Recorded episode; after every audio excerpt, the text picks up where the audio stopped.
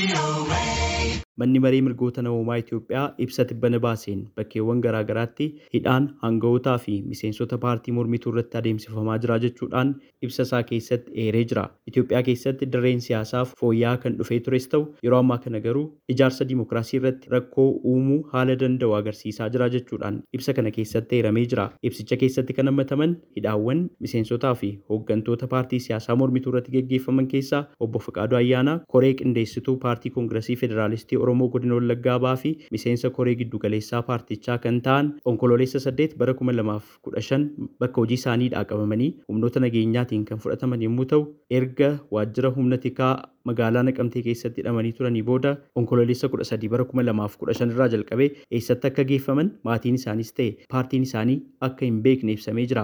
Maatiin isaaniis sababa kanarraa kan ka'e rakkina keessatti kufuun isaanii eeramee jira. Gama biraan itti gaafatamaa waajjira paartii koongiresii federaalistii Oromoo KFO godina Wallaggaa ba'aa kan ta'an obbo Haftaamuu Taganyis bitootessa kudha torba bara kuma lamaaf kudha afur erga walgahii waliigalaa paartichaa irratti hirmaatanii booda bakka Burraayyuu Gafarsaa jedhamutti qabamanii erga hidhamanii booda yeroo ammaa kana naannoo Oromiyaa magaalaa Sabbataa keessatti hidhamanii akka jiranii fi dhibamanii yaalii akka hin arganne ibsamee jira. Godina Harargee ba'aa aanaa Kombolchaa keessattis koree qindeessituu KFO kan ta'an obbo Eliyaas Abrahaam sadaasa 23 bara 2015 qabamanii magaalaa Malkaa Raafuu keessatti hidhamanii akka jiran akkasuma eeramee jira. Daayirektarri olaanaa mana maree mirgoota namoomaa Itoophiyaa obbo Daaniirgaa miseensota paartii Mayyaad magaalaa Finfinnee keessatti argaman akkasumas miseensota paartii Baaldaraas irrattis akkasuma hidhaan adeemsifamuu ibsanii jiru. Dabalataanis naannoo Oromiyaa gama lixaatti humnoota mootummaa fi gurmuulee riphxe loltootaa mootummaan shanii jechuun waamu waraana bilisummaa Oromoo jidduutti wal waraansa adeemsifamuun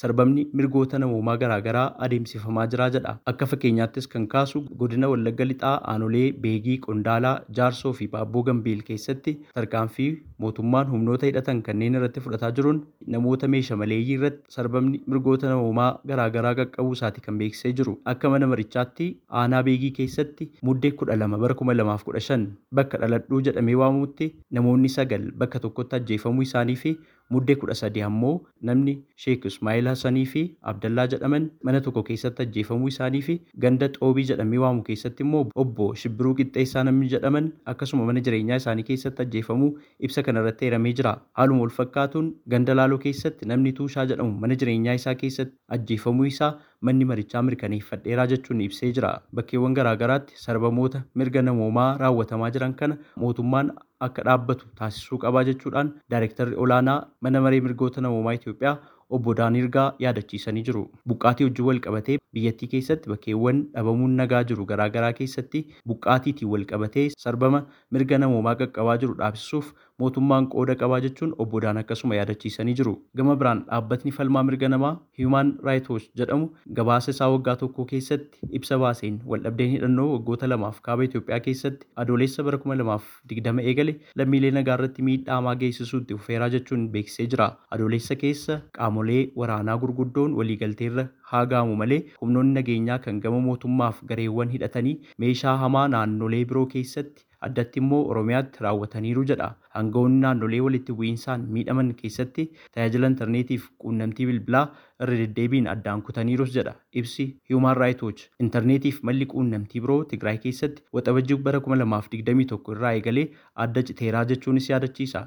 Waldhabdeef jeequmsi naannolee hedduu keessatti uumame gogiinsa aansee balaa namoomaa addunyaa irratti isa guddaa ta'e tokko hammeessee jechuunis ibsa. Bara 2022 namootni miiliyoona 20 ol gargaarsa namoomaa barbaadus jedha. Oromiyaa lixaa keessatti lola humnoota mootummaaf gurmuulee hidhattootaa gidduutti uumameen gama hundumaan miidhaa namaan akka qaqqabu taasisee jira jedha. Human Rights Watch gaazexeessitootni dhaabbileen hawaasa siivikii fi namootni uummataaf dubbatan biyyattiitti yeroo yeroon haala gabaasuuf rakkisaa fi daangeffamaa ta'etu isaan mudates jedha.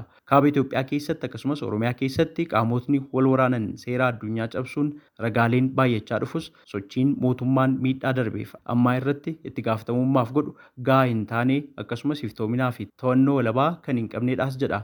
Ibsi Human Rights dhimma kanarratti aangawoota godinaalee ibsa kana keessatti eeramanii fi hooggantoota biiroo koominikeeshinii poolisii fi bulchiinsaaf nageenyaa naannoo oromiyaa akkasumas tajaajila koominikeeshinii federaalaa irraa deebii argachuudhaaf irra deddeebiin yaaliin taasifne milkoofne Oromiyaa keessatti sarbamoota mirgoota namoomaa raawwatamaniif mootummaan gurmuulee riphxiltoota kan himatu yommuu ta'u isaan ammoo gama isaaniitiin gochawwan kana kan raawwatu humnoota naga eegumsaa mootummaati jechaa turuun isaanii ni yaadatama. Kanumaan wal qabatee ibsichi gara mootummaa Eertiraatti yommuu darbu mootummaan Eertiraa uummata biyyattii akka malee hacuucaa jiraa jedha. Ibsi Human Rights keessumaa mirga yaada ofii bilisaan ibsachuu fi mirga amantaa akkasumas dhaabbilee idilaa addunyaan akka haalli jiru beekamu taasisuu irratti rakkootu jiraa jedha.